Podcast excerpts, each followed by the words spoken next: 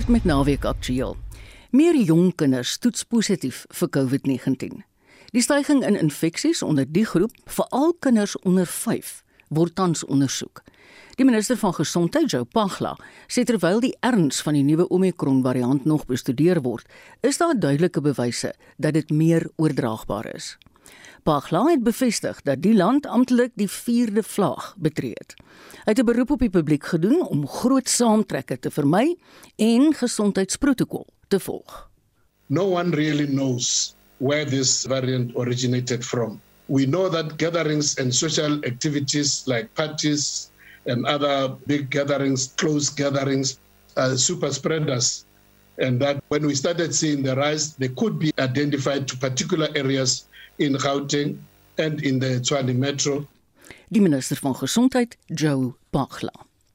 Die N3 tolpad konsessie sê daar was ver oggend nog geen voorvalle wat die vloei van verkeer op die N3 tussen die Tugela tolhek en van Renenspas ontwrig het nie. Verkeer is gister tot stilstand gedwing weens die padversperring wat deur vragmotorbestuurders veroorsaak is. Die bestuurders is glo ongelukkig oor die indiensneming van buitelanders. Vir die jongste oor die situasie op die N3, praat ons nou met Tanya Dugra van die N3 tolkonssessie. Good afternoon Tanya. Hi, good afternoon, Marietta. How are Listen, you? No, I'm fine, thank you. I think a little bit better than you. I actually felt for you this week because I think you had a very hard week. Thank you. Yes, it has been a bit of a challenge this week. I heard on our news bulletins on the Afrikaans radio that the road indeed is still open. Is that the case? Yes, that is correct. The road was fully reopened to traffic shortly after four o'clock this morning. Are there any trucks that still needs to be removed? Uh, to my knowledge, no. All of the vehicles that were blockading the road were fully removed um, mm-hmm. from the scene. Good. Initially, there were reports that the police was slow to react. How did this play out then? I actually think, well, you know, to correct that, no, that it, that's that is incorrect. The SAPS okay. responded very quickly as soon as the reports about the blockade came in. Mm-hmm. Obviously, they needed to respond to the scene in order to ascertain what exactly was going on, and backup services from all of the emergency services and law enforcement responded as quickly as possible. But obviously, there was a significant backlog in traffic, which made mm. it difficult to get to the scene itself. But as soon as the services were there, they quickly ascertained what the issue was and, and commenced with the engagement with the drivers on the scene to determine what the issue was and attempt to resolve it as quickly as possible. And do you think it has to do with people from other countries driving trucks? That would be speculation on my part at this point. Uh, law enforcement were engaging with the drivers themselves to determine what the issue was. Mm. I haven't received any formal communication about what the issue was. Tanya, is the police still on the scene? Uh, no, at this stage, the scene is entirely cleared and all services have, have um, left the scene. And you can have a breather. A little bit of a breather, yes. Hopefully, all of our road users play along with us yes, and behave yes. and drive drive responsibly on the N3 toll route in particular, so uh, it can stay that way. Thank you so much. Dit was Tanya Dugra van die N3 tolkonssessie. 13 minute oor 12 en jy luister na Naweek Aktueel. Mense met gestremthede maak 7,7% van Suid-Afrika se bevolking uit, maar slegs 1% van hulle het 'n werk. Gister was internasionale dag vir gestremde persone. Ons het dit gevier. En ons praat nou daaroor met Lisel de Wet, die uitvoerende hoof van die Kaapstadse Vereniging vir Blindes. Goeiemôre Lisel. Hallo Marita, is wonderlik om weer met jou te kan gesels. Dieselfde die kant. Hoe beskryf jy Lisel die lewe van gestremde mense in Suid-Afrika met jou 26 jaar ervaring in die sektor? Ja, ehm um, as ek terugkyk Marita, dan is dit so 'n ongelooflike reis wat wat 'n mens het met persone wat saamleef met hulle gestremdhede en het, ek praat nou van alle tipe gestremdhede. Mm. Alhoewel ons spesifieke veld op hierdie stadium fokus op visueel gestremdheid, maar in oor 26 jaar met 'n wye wye veld. En weet jy, ek het ver oggend terwyl ek nou voorberei het om 'n bietjie met jou te gesels, het ek gedink daaraan dat oor die afgelope 26 jaar het daar hopeloos te min nog verander En dit maak my amper moedeloos en ek wil nie 'n moedelose boodskap uitstuur nie. Ek dink net ons moet bewusmaking weer eens skep en ek is so bly vir hierdie geleentheid. Omdat 'n mens lei mense op en jy doen soveel om vir hulle toe te rus met ongelooflike vaardighede. En nog steeds maak ons nie deurbrake op alle gebiede nie. En is ons deure nog nie waarwyd oop vir persone met gestremthede in die arbeidsveld nie. En ek dink dit maak hulle keer hulle baie baie keer ook self, jy dit onneem jou bietjie van jou waardigheid as jy mense sukkel om in die arbeidsveld in te kom. Ek weet Jackie doen Sondagmiddag haar uiterste bes in die leefwêreld ja. van die gestremde om om die belangrikheid dat 'n mens meer aandag aan die mense moet gee. Maar in die week het ek ook 'n onderhoud gehoor op RSG waar iemand gesê het omdat ek blind is, is ek nie dom nie. En dit ja. het my so gevang want ek het nie kon dink en toe verduidelik die persoon, maar mense dink outomaties as jy nie kan sien nie, dan val jy in 'n klas wat betref jou intelligensiekoëffisiënt wat laag is. Jy is so reg. Uh, mense word geïtek, um, hoe sal ek sê, geetiketeer. Daar word ehm um, goedjies om hulle nek gehang. Jy weet jy's blind so equals jy kan nie werk nie. En dit is vir my absolute dit is dit maak jou dit breek jou hart. Mm. En as jy dink in terme van tegnologie, die stu die studies wat ons deesdae aanbied vir ons studente en die sagte ware vaardighede wat ons vir hulle leer. Die slimfone, jy weet noem maar die iPhone, die Android fone, die rekenaar tegnologie toepassings dit is so redelik beskikbaar vir visueel gestremde persone. Ook die teks na stem toepassings op die iPhone, die terugpraat tegnologie op die Android en Kibo en daar is soveel wonderlike uh, um apps as ek dit nou so mag mm. noem waarmee dokumente gelees en fotos beskryf word dat daar's bitter min wat 'n blinde persoon nie kan doen nie. 'n Blinde persoon kan nie kan nie 'n bestuurder wees van 'n motor nie. 'n Blinde bestuur 'n 'n blinde kan nie 'n 'n vliegtuig vlieg nie en hulle kan ook nie 'n operasie doen nie. Maar daar's soveel ander dinge wat hulle kan doen. Hmm. En daai deure bly nog vir ons toe. En as ek 'n bietjie ehm um, opgewonde raak daaroor, dan is dit omdat ek passievol daaroor nee, is. Nee, dit kan ek hoor. Want ja, want 'n mens 'n mens voel later aan, weet jy, die mense studeer en studeer, hulle sit met doktorsgrade, meestersgrade. Van hulle het twee doktorsgrade net omdat hulle nie werk kry nie, dan hou hulle aan met studeer. Hm. Met die hoop dat daar wel iewers 'n deur vir hulle gaan oop oopgemaak word. En ek dink tog excuse I'm jumping the gun a little bit hierso. maar ek dink tog 'n mens moet iewers um, op regeringsvlak van hulle kant af druk uitoefen op die ehm um, werkerskorps. Jy weet in die industrie om te mm. sê jy moet 'n sekere persentasie persone met gestremdhede in diens neem. Want wat help dit ons lei op en ons lei op en ons lei op en jy sit by die huis? Dis baie baie baie hartseer. Lisel vertel ons 'n bietjie oor die ervarings van Akona Njolo en what say ifting. Wow, dit is 'n amazing stories. Verruklike stories. Kom ons gebruik mooi Afrikaans. Ehm um, Akona was ehm um, 'n verpleegster en sy het ongelukkig haar werk verloor as gevolg van die feit dat sy ehm um, blind geword het sy is 'n geweldige inspirasie vir ons studente. Sy wil nou juis haar ehm um, ondervinding en haar studies wat sy by ons voltooi het, wil sy gebruik om in die wêreld van verpleging dit in te span om administratief te werk in die mediese en maatskaplike velde en ons gaan nie 'n steen onaangeroer raak los om haar te help om vir haar iewers ehm um, 'n plek te kry ja. waar sy dit daai droom kan leef nie. En wat sê? En hy het gewerk in die ehm um, genade wat is hospitality industry nou? Gasvryheidsbedryf. Dankie. Genigtig. Ehm um, hy het in 'n um, restaurant gewerk en hy het ons gesogte Janie Meton toekenning as die beste student van die jaar ontvang. En hy wil nou sy en hy het sy sig verloor en sy werk verloor.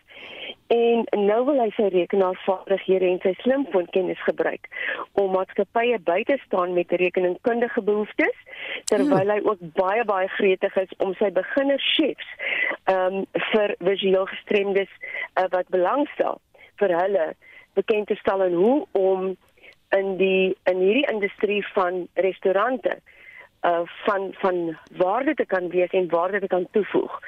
As gevolg van die hele COVID drama het ons ongelukkig ons ons restaurant moes toemaak want ons het ook daar baie mense opgelei en hulle as restas en ook as bedieners, ja, jy weet as kelners. Mm. En ons het seker gemaak dat hulle werk gekry het.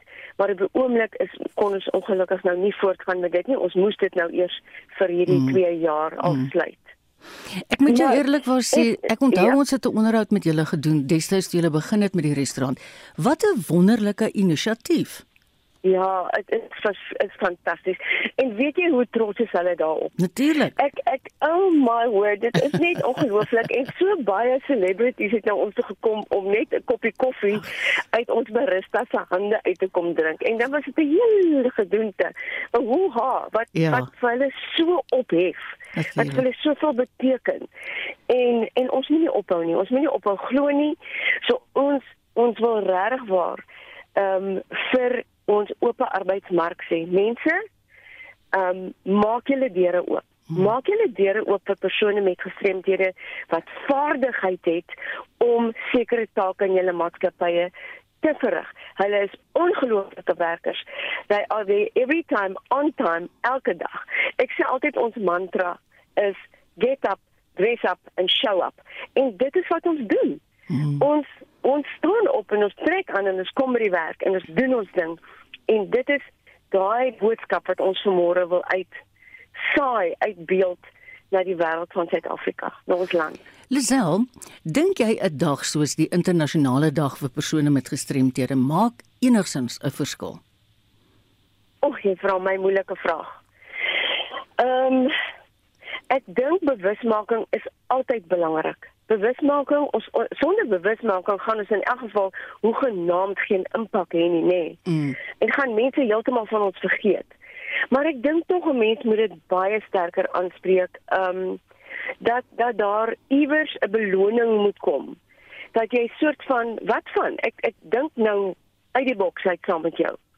Dat saam met internasionale dag vir gestremdes dat jy byvoorbeeld sê dat die regering sê hier's 'n beloning vir die maatskappy wat die beste aanstelling vir die jaar gedoen het of die meeste persone aangestel het wat met 'n tipe gestremdheid mm. saamleef.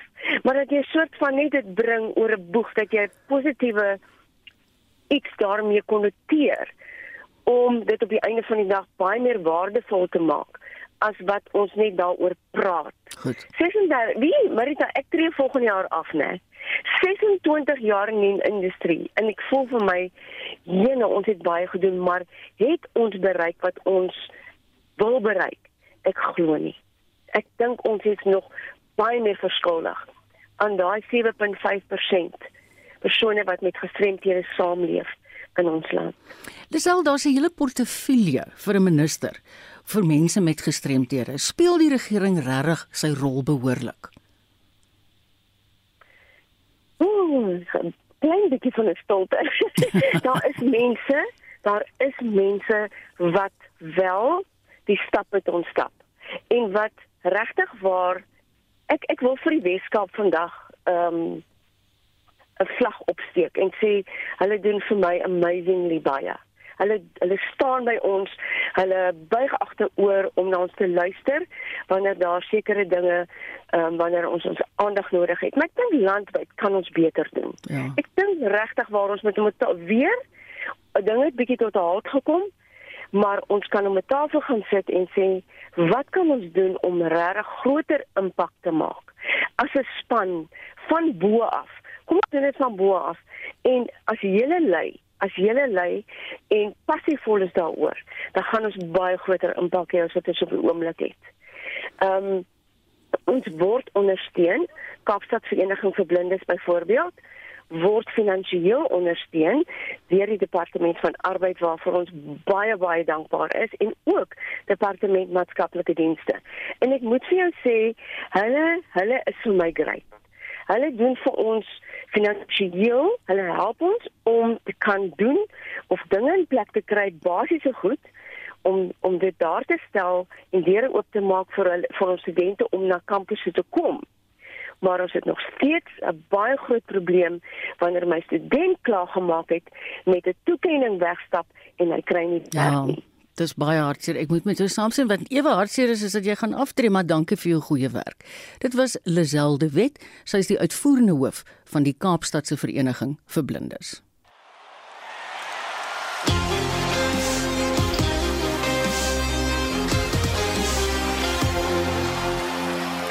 is nou 25 minute oor 12 en jy luister na Naweek Aktueel. Ten spyte van COVID wat weer amok maak met die sportskedule, is daar steeds heelwat aksie aan die gang. Ons sluit nou aan by Shaun Jooste vir die jongste. Goeiemôre Shaun. Middag Marita. Op die rugbyveld is die Dubai Sevens reeks aan die gang. Hoe het sake vir die Blitsbokke tot dusver verloop? Ja, dat is die been van die wereld Sevens reeks. Nou, die bokken het gister vlug in Westpuntbokken weggespring. En uh, eerste kracht met een keer van 48-0 gewin en daarna 21-12 in Ierland gezegeerd. Zuid-Afrika die groepsfase onoorwonnen geëindigd toen de gisteravond met Groot-Brittannië afgerekend het die pen 21-7. En vanochtend zijn kwart eindronde het ons ons wedstrijd in Kenia met 31-19 gewin, maar die rusttijdtelling 17-7 was. Nou die halfeindstryd in Frankryk begin 12:46 en dan doen ons daardie wedstryd wen vir 'n eindtyd van middag 26 minute oor 5. Maar as ons twee verenigde kampioenskapswedstryde wat aan die gang is in hier in Suid-Afrika, fokus ons op die twee plaaslike derbies. Die Sharks en Bulls het gisterand in Durban kragtig gemeet en as die Sharks vir daardie wedstryd 30-16 wen na 'n rustyd 13-9 agter was. Vanmiddag 5:00 pak die Stormers die Lions en dis daar in Kaapstad en Dion Skooman doen verslag oor gebeure. Kan ek jou net vra so net jy gesê dis 26 minute oor 5. Dis 26 minute oor 5 ja. Baie dankie want ek weet dis altyd sulke snaakse tye. ek het gehoor gister jy sê in Monitor daar's twee golftoernooie aan die gang. Vertel ons 'n bietjie meer. Daar is SA Open word op die Gary Play en buiteklub by San City gespeel. Nou verlede week net voor die nuwe COVID variant aangekondig was was uh, die toernooi deel van die sonskynreeks en op die DP wêreldtoer, mm. maar dit is nou slegs 'n sonskynreeks toernooi. Nou die tweede ronde is gister voltooi. Die plaaslike Oliver Becker is die voorloper op 12 onder met sy landgenoot Justin Hardy en Niels Kittekat op 9 onder. Dan is daar op die PGA reeks uh, toernooi die hele wêrelduitdaging wat in die Bahamas gespeel word. Daar is net 20 spelers wat meedoen. Ja, die Amerikaner Bryson DeChambeau het vanoggend sy tweede ronde as die voorloper op 11 onder geëindig.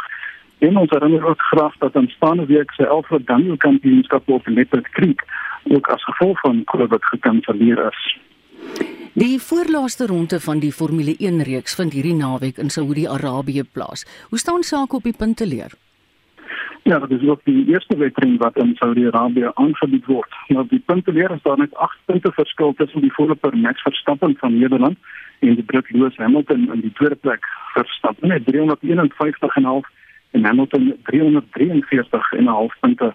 Dan op die vervaardigersafdeling is sake net so op mespunt gebalanseer met Mercedes op 546 en Red Bull op 541 punte. Men gister se twee oefenrondes het Hamilton die twee vinnigste tye opgestel.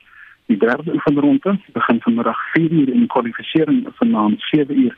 Van die hoofren is môre aand 08:30 en dit sal onderspreidig te wees. Dis sê kom dit so warm is daar liewer in die aand ja. ja nee. Schon is daar enige cricketwedstryde die naweek aan die gang. Ja, daar's twee toetse aan die gang in die in die Seeland. Hulle pak mekaar in die tweede toets van hulle reeks. En die is vanoggend vir 325 in hulle eerste beurt uitgebal. En daarna kom die Seeland net 62 op die tellbord plaas. Die groot nuus in die toets is egter die Nieu-Seelandse draaibowler Ajaz Patel wat al 10 in die sepaltjies laat kan plek. Hy is slegs die derde speler in toetskriket om dit reg te kry. Die ander twee was Jim Laker en Anil Kumble. Dan uh, speel Bangladesh en Pakistan in die tweede en laaste toets van hulle reeks. Die dag 1 het geëindig met Pakistan op 161 vir 2. Dan wil ek ook net sê Cricket Suid-Afrika het vanoggend goeie nuus gegee. Hulle het aangekondig dat die Indiese toer voortgaan. Mm. Die die toer sal uit drie toetse en drie eendagwedstryde bestaan. Die T20 reeks is ongelukkig uitgestel. O, o, o, o. En dan om af te sluit, na watter sokkerwedstryde kan ons vandag uitsien, Shaun? En die DSV Premier League speel aan Zulu vanmiddag half 4 teen Royal AM. En vanaand kwart oor 8 is dit Stellenbosch FC teen Mamelodi Sundowns. Nou die kragwedstryd wat 6 uur sal begin, dit is tussen Kaizer Chiefs en Cape Town City is uitgestel nadat COVID ook 'n draai in Chiefs kan gemaak het. Dan die Engelse Premier League, hier West Ham United vanmiddag half 3 teen Chelsea, Wolves 5 uur teen Liverpool en Watford vanaand half 8 teen Manchester City kragte. Baie dankie. Dit was Shaun Jooste van RSG Sport en hy het ons gebring by Op die Kop half 1. Ons bly by sport aangeleenthede. Die internasionale beheerliggaam vir sokker, FIFA, het die Suid-Afrikaanse Sokkerfederasie, SAFA, se appel van die hand gewys oor 'n onlangse wedstryd teen Ghana. SAFA het betoog dat die skeieregter in die Wêreldbeker kwalifikasiewedstryd bevooroordeel teenoor Bafana Bafana was. Ons praat nou hieroor met Muhammad Ali wat onder meer vir die BBC oor sokker verslag doen. Assalamu alaykum Muhammad. Alaykum salam, vrede met u ook Marika. Wat was jou eie indrukke van die skeieregter se vertoning in daai wedstryd?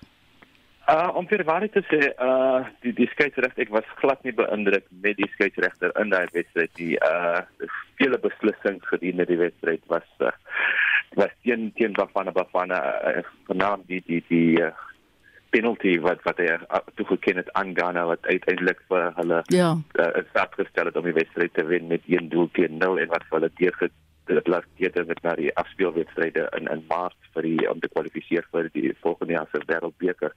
Ehm um, maar jy weet uh, soos uh, baie spanne in baie sport kan kla oor skeieregters en beslissings maar om om om te om, uh, te wag dat die beheerliggaam van wêreld uh, sokker 'n uh, uh, 'n uitslag sou moet omdraai ten uh, omdat die, die skeieregter nie regverdig was nie uh, sou nooit gebeur nie. Uh, Safa moes uh, uiteindelik net uh, um, kan bewys uh, dat uh, die die die skeieregter daar was uh, wedstryd knoeier knoeier betrokke of so iets maar nie nie die die die die um, vertoning van die skeieregter op die dag nie.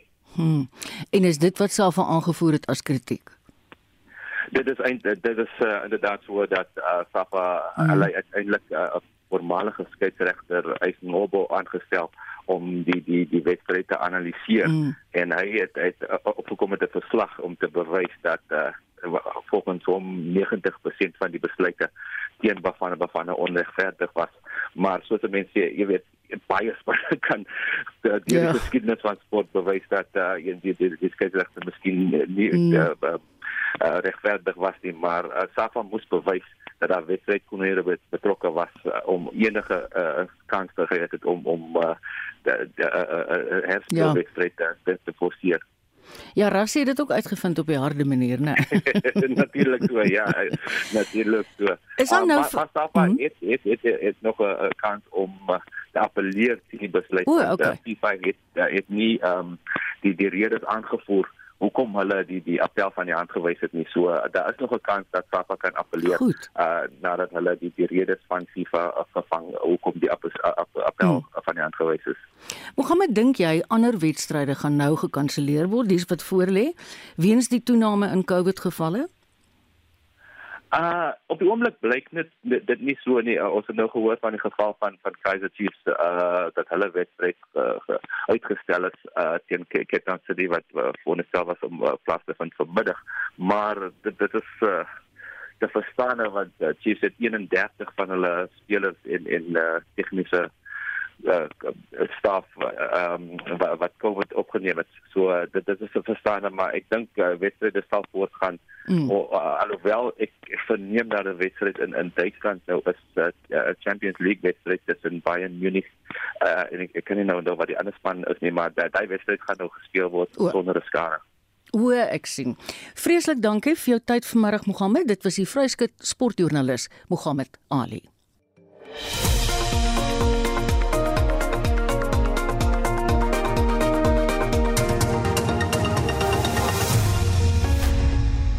Een van die bydraes in Naweek Aktueel wat baie gewild is, is Wessel Pretoria se weeklikse motorrubriek. Nou vandag gee Wessel raad oor hoe jy jou voertuig en jou sleepding gereed moet kry vir die lang pad.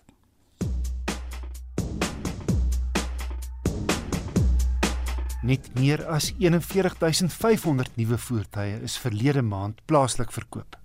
6,6% beter as November verlede jaar. Toyota het weer skoonskip gemaak deur 28,6% van die markandeel in te palm. Behalwe vir sy staatmaker, die Hilux topverkoper met byna 2600 eenhede, het sy nuwe plaaslik vervaardigde Corolla Cross omtrent die markstorm geloop. 1757 van die kruisvoertuie is verkoop wat hom die top passasiersvoertuigverkoper in November gemaak het. Isuzu se D-Max was die tweede beste bakkieverkoper met net minder as 1700 terwyl die Ford Ranger met 'n derde plek tevrede moes wees. Algeheel was Volkswagen tweede en Suzuki verrassend in die derde plek met meer as 3000 eenhede, 'n markandeel van 10,7%.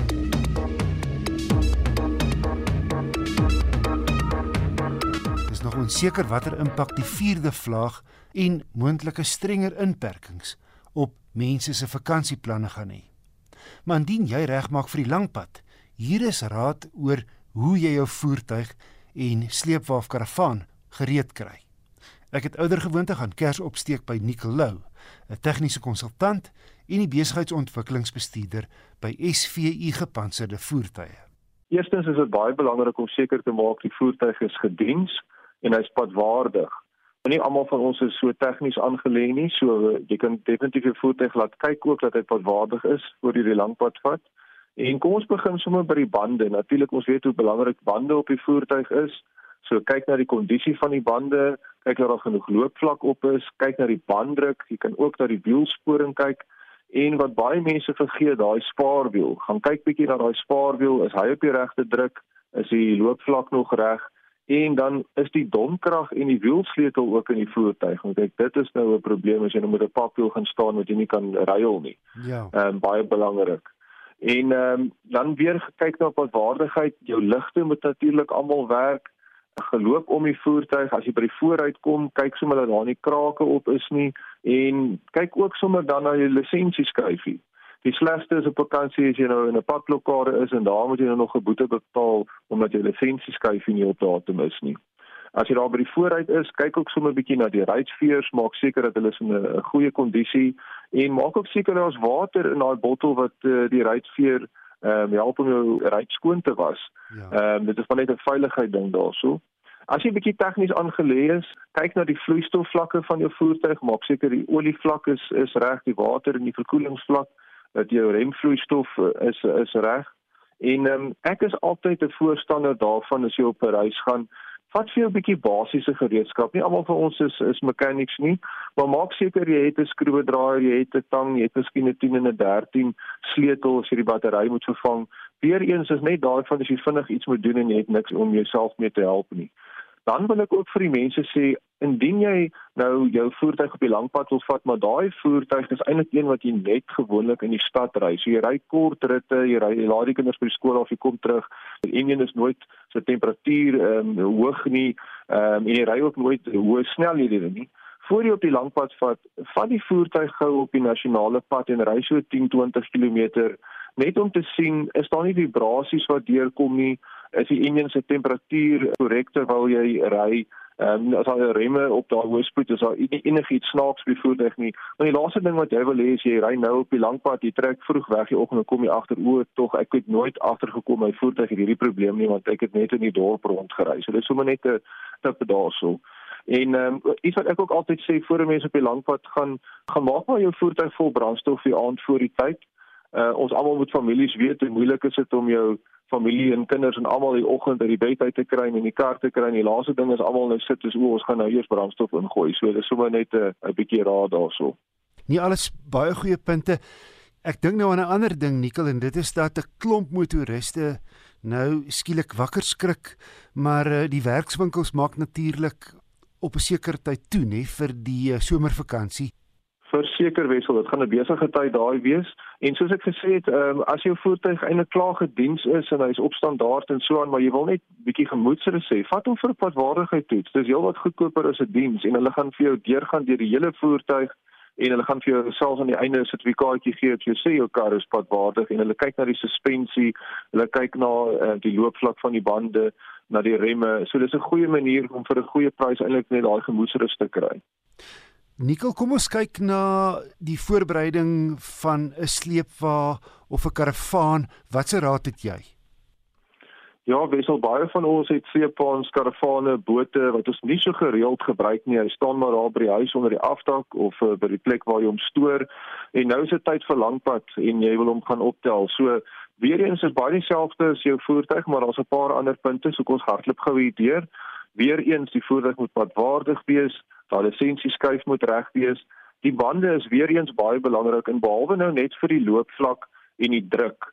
As daai voertuig heel jaar gestaan het, dan daai wiel miskien nie meer rond nie. So maak net seker die ander ding is ook kyk na die rubber self want baie keer vind ons dat die sleepwaens die bande se loopvlak is nog goed, maar omdat hy so hier soveel jare al oud is en miskien 'n bietjie in die son gestaan het, begin daar al sulke krakies in daai rubber wees. So daai bande so lyk like, vir gemoedrus verwissel hulle maar eerder. Onthou 'n band se lewensduur is ongeveer so 5 jaar en dit is as jy hom nou baie goed opgepas het en hy's nie skade weer ehm um, so maak net seker daai band is nie al te oud op jou um, sleepbaan nie. Dan natuurlik ons praat altyd van die wiellaars of die bearings en ehm um, ja, dit maak maar seker hulle is gepak. Ehm um, veral ook as jy nou 'n boot het wat jy in die water in terugstoot en nou gaan parkeer jy hom weer by die huis. Daai laars hou nie van bietjie water wat daar rond lê heel jaar nie. So vervang maar eerder. En uh, dan natuurlik as jy 'n karavaan het met 'n inlooprem, maak seker dat hy um, nog werk. En ehm um, ja, kries bietjie daai daai koppels vlak uh, by die hak uh, waar hy gekoppel word. En ehm um, die ander ding is natuurlik as jy jou voertuig pak, vir byvoorbeeld jou karavaan of jou sleepwa, is dit natuurlik baie belangrik om in gedagte te hou die gewigsverspreiding. En ehm um, in Suid-Afrika is die wetgewing so dat jou druk op jou hak moet so tussen 25 en 100 kg wees. So kyk bietjie na jou vervaardigingshandleiding, wat is die optimale gewig wat uh, op jou voertuig se se sleephak moet moet lê? En uh, dit gaan natuurlik ook verseker dat hy baie meer stabiel gaan wees as jy moet sleep. Nikkel het dit al met my gebeur. Ek het eers die Sondag aand voordat ons vertrek het, die volgende oggend agtergekom dat my sleepfase ligte nie ooreenkom met my motor se nie wat natuurlike gevaarlike situasie skep. Jy maak 'n baie goeie punt Wessel, definitief, um, veral as jy miskien jou voertuig verander het, want ons het gesien al met die nuwe tegnologie voertuie partykeer is daai daai koppelvlak nie heeltemal dieselfde nie. Jy moet eers soos hulle sê 'n adapter vir jou gaan kry. Of natuurlik daar's net 'n los koneksie en al die ligte wil nie werk nie. So gaan prop jou voertuig in laat iemand agter staan en net vir jou kyk as jy die remme trap en natuurlik laat jou jou flikkers al twee kante werk en ook jou gewone ligte wat in die nag want dis die een van die gevaarlikste goed is jy ry op die pad en iemand het 'n sleepwa wat nie ligte aan het nie want dit kan maklike ongeluk veroorsaak Nicolou, 'n tegniese konsultant en die besigheidsontwikkelingsbestuurder by SVU Gepantserde Voertuie. Ek lag nou lekker vir Wessel wat sê die aand van tevore, ek het ver oggend vroeër gehoor in Reis sonder grense en die 4x4 sport het daar gesien die ou die vorige aand sy tent by die huis saam met sy kinders net opgeslaan en gekyk dat alles reg is en so en toe ry hulle die volgende dag toe hulle agterkom toe hulle moet opslaan, toe is die tentpenne hierso agter by Alberton. so, ja, ek dink 'n ou moet dit nie vir te laat los nie, klink dit my. In die lig van die 16 dae van geen geweld teen vroue en kinders veldtog, praat ons vandag met iemand wat betrokke is by die liefdadigheidsorganisasie Cradle of Hope in Creersdorp. Haar naam is Ronel Snyman en sy sluit nou by ons aan. Hallo Ronel. Hallo Marita. Ek weet ons het jou weggeruk van een of ander fondsinsamelingsproses, maar dankie vir jou tyd, hoor. Wat presies doen julle by die Cradle of Hope? Ons het 14 aktiewe programme wat ons hardloop by die Cradle of Hope, Marita, maar in die lig van die 16 dae van aktivisme doen ons iets tot werklik vir geslagsgebaseerde geweld. En sal jy sê die probleem is baie erg wat betref geweld teen vroue en kinders? Maar dit bly 'n diep geworde wortelde probleem in Suid-Afrika. Ons hoor amper daagliks op die nuus van nog 'n vrou wat ehm um, vermoor is. En dit is amper asof ons al gewoond geraak het aan die term. Dis amper soos wil jy melk in jou koffie hê. Hmm. Dit maak nie meer 'n indruk nie. Jy weet ons het nou hierdie week heelwat van hierdie tipe geselsies uitgesaai op RSG. En telkens hoor ek ook nou die oggend in praat saam. Het 'n inbeller gesê, dan moenie net 16 16 dae wees nie, dan met 365 dae wees want die probleem hmm. is elke dag van die jaar daar veral klink dit vir my uit wat hulle gesê het as alkohol ter sprake is. Ja, alkohol speel speel definitief 'n rol. Ek vind met die COVID probleem ook, jy weet mense is mm. meer by die huis, die nood is groter, die aggressievlakke is hoër, maar dit is voor COVID al 'n enorme probleem gewees en die 16 dae vir aktivisme is eintlik ek stem saam met daai luisteraar dit moet 365 dae wees en dan weet ek nog nie of dit 'n impak gaan hê nie want dit is asof daar 'n groot gezoom en geraas is dis dan 16 dae van aktivisme teen geslagsgebaseerde geweld en dan wat ja dan, dan net niks, niks. Mm. en volgende jaar doen ons dit weer Ronel, kan ek jou vra, uit watter gemeenskappe kom hier vroue wat by julle ouens vir hulp kom aanklop? Marieta, die vrouens kom uit reg oor die land, hoor. Hulle kom en mense dink dit is dit is net huislose mense wat op straat is. Weet jy ons het al hooggeleerde mense by ons gehad. Ehm um, wat gekwalifiseer het was, ons het 'n advokaat gehad, ons het hulle kliniese sielkundige, onderwysers. Ehm um, dit is so 'n wye spektrum van mense. Ehm um, laasweek nog het ek met 'n dametjie gepraat wat vir my gesê het sy kry nie hulp nie. Sy skakel almal in haar omgewing, hulle antwoord nie die fone nie. Mm. En dan is dit 'n groot storie in die nuus as as sy en haar dogter doodgevind gaan word ja. in die plek waar hulle bly, maar mm. daar is nie hulp daar buite nie. Dis verskriklik hartseer vir alles daar nie 'n inkome is nie omdat daar nie 'n ander manier van finansiële ondersteuning is nie. Ja, daar is net eenvoudig geen stelsel in ons land wat vir hierdie vrouens regtig hulp gee nie. Ronel, ek kan net vir jou sê baie dankie vir die werk wat julle by Cradle of Hope in Kreersdorp doen. Dankie ook vir jou tyd. Ek hoop die fondsinsameling loop goed. Dit was Ronel Snyman, sy's betrokke by die liefdadigheidsorganisasie Cradle of Hope in Kreersdorp. Die bekroonde regisseur van Sink en Villa se kind, Brett Michael Innes, het besluit om sy hand hierdie keer aan 'n komedie te waag. Ten spyte daarvan dat sy vorige rolprente gehore na die silwerdoek gelok het, het hy besluit om sy jongste rolprent eerder vir 'n stroomdiens te vervaardig. Anne-Marie Jansen van Vuren doen verslag. Innes se jongste rolprent is geïnspireer deur sy kinderjare. Darren's gym is about a third generation family gym that finds itself in a David and Goliath type battle when a fitness conglomerate opens its flagship branch across the road from them. And it's up to Darren Jr. to rally his mismatched team of trainers and staff to not only save his family inheritance, but to save their incomes. So the story it was inspired by I grew up in Randburg and I used to gym at one of these really big franchises this was about 20 years ago, and there was a small independent gym literally across the road from the big franchise that I worked out at. And I always wondered how did they manage to stay afloat? I mean, you're literally in the shadow of this huge corporation. And that became this idea that grew. And I love mockumentary, and I hadn't really seen anything set in a gym, and I know there's just so much comedy that can be found there. So as the story grew, it became the script, and when it came down to filming it, uh, I said to my producing partner Paolo Ariel, who did Ellen Pakis, why don't we go and look if that gym will have us and let us film there? And that actually became the location for the film. So I love the full circle moment that what inspired the story actually became the place that we filmed at. Ines se vorige twee rolprente was diep gewortel in nostalgie en hy sê daar is hoop en nostalgie in sy jongste skepping. The score which was composed by the brilliant Loki Rothman. We don't have a lot of score but what we did lean into was that kind of 80s synth electronica. When I think of nostalgia it is often this feeling that you know these characters or you've known the story before or it takes you back to a time. And I think Darren's gym really does do that. Uh, viewers will watch this and be able to recognize all the mad people that they've encountered at gyms. And if they haven't encountered them, they probably are that person. But does so in a way that leaves you feeling that you've hung out with friends that you've known for a while.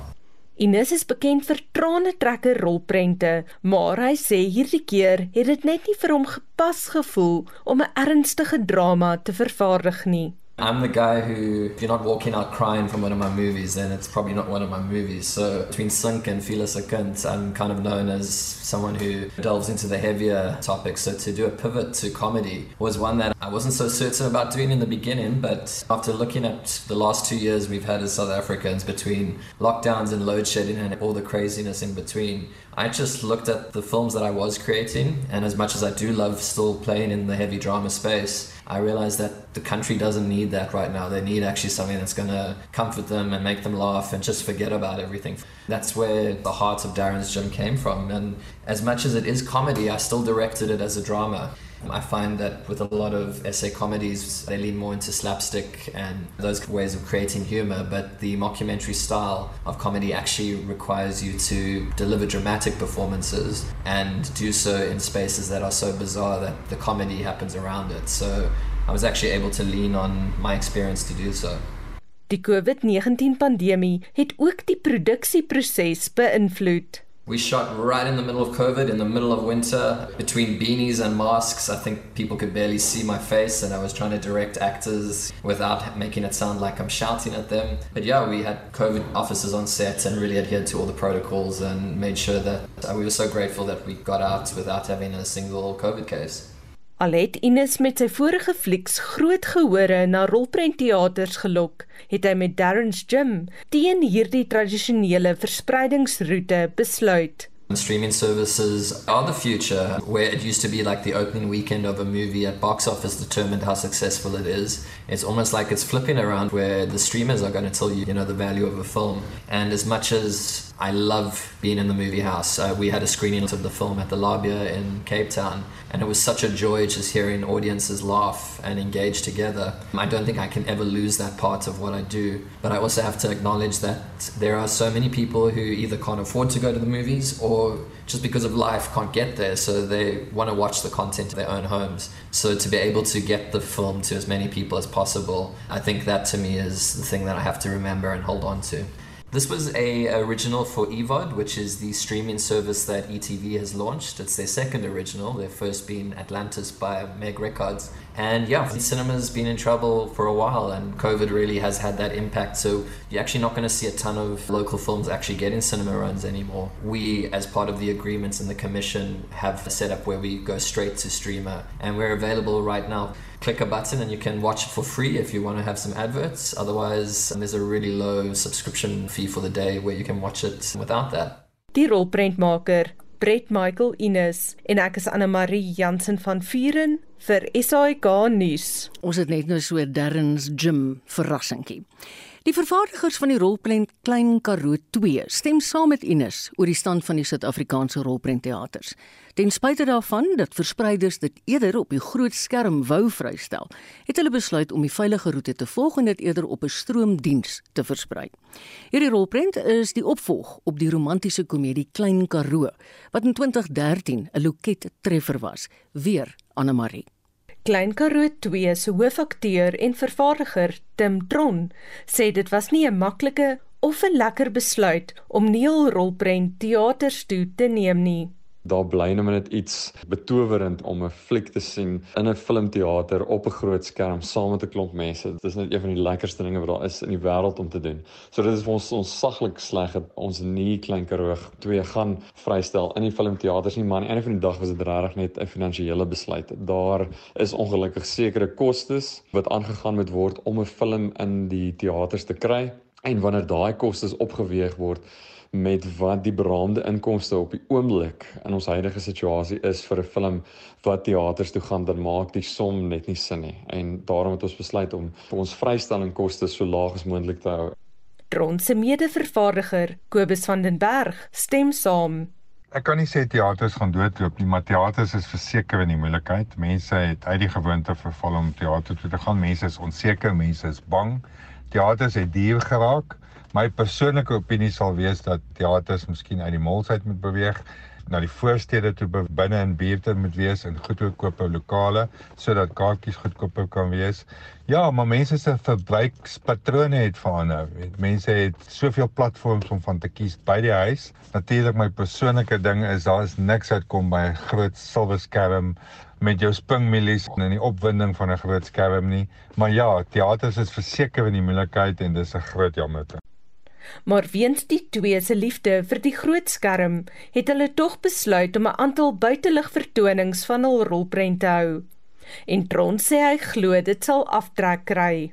Mense het 'n behoefte om uit te kom, om weer saam dinge te doen, om soof uit te breek uit hierdie COVID kettings wat om ons sosiale lewens gebind is en waar mense gevoel het dat die afstand tussen mense net groter en groter geword het. En ek dink veral rondom hierdie feestyd het mense nog meer daai behoefte om as familie saam tyd te spandeer, dinge saam te kan doen, veral as dit op 'n veilige manier gedoen kan word. So weens buitelug is die veiligigste manier moontlik om dit te doen. Ons het seker gemaak dat ons regtig 'n groot areas het waar mense kan kom sit. Jy kan jou piknikkombers en jou stoele neersit. Seker maak jy hou jou afstand en nog steeds tussen mense hierdie film op die groot skerm geniet.